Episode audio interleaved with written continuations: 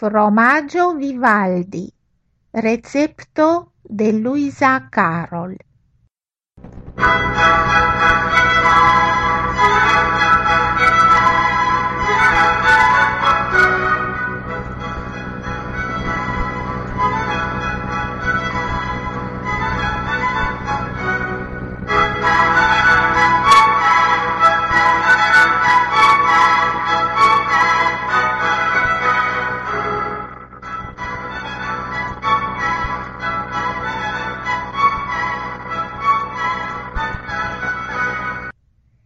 mi enmetas en la mixilon du glasoin da migdaloi, du glasoin da nuxoi, cae duonan glason da agvo.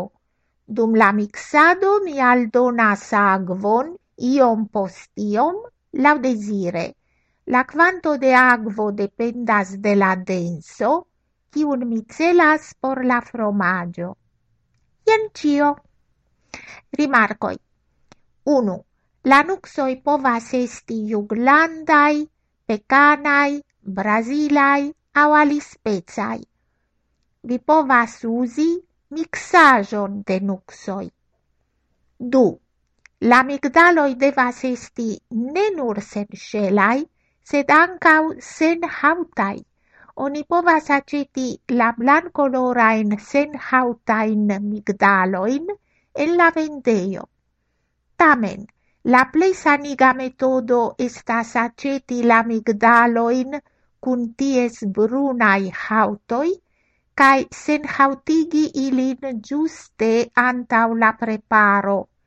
Por fari tion, oni devas versi boligitan agvon sur ilin cae attendi circa kvaronan horon, gis la hautoj sveligas. Poste oni jam povas facile sen hautigi ilin, sed versaine tiu ci metodo shainos al vi enuiga kaj temporama.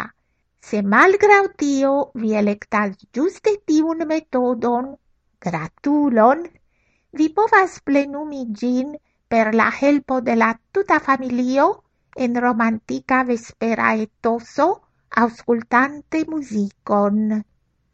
Nun viam divenis la devenon de tiu fromag nomo, ciune? Ciel mi usas la fromagion Vivaldi? Unu, mi aldonas gin al legom supoi, sed nur post kiam la supoi jam trovigas en teleroi. Mi neniam boligis la fromagion Vivaldi en supo. Du, mi enmetas gin en saucoin de freshai legom salatoi. Tri, mi smiras toastoin per gi aldonante spizoin cae olivoin.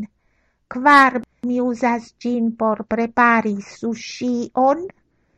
Quin, mi mixas gin cun iom da mielo, cinamo cae vanilo por aldoni tiun mixajon al cacioi de aveno, hordeo, riso, poligono, cae tiel plu. Ses, mi ricigas per gi fructo salatoin.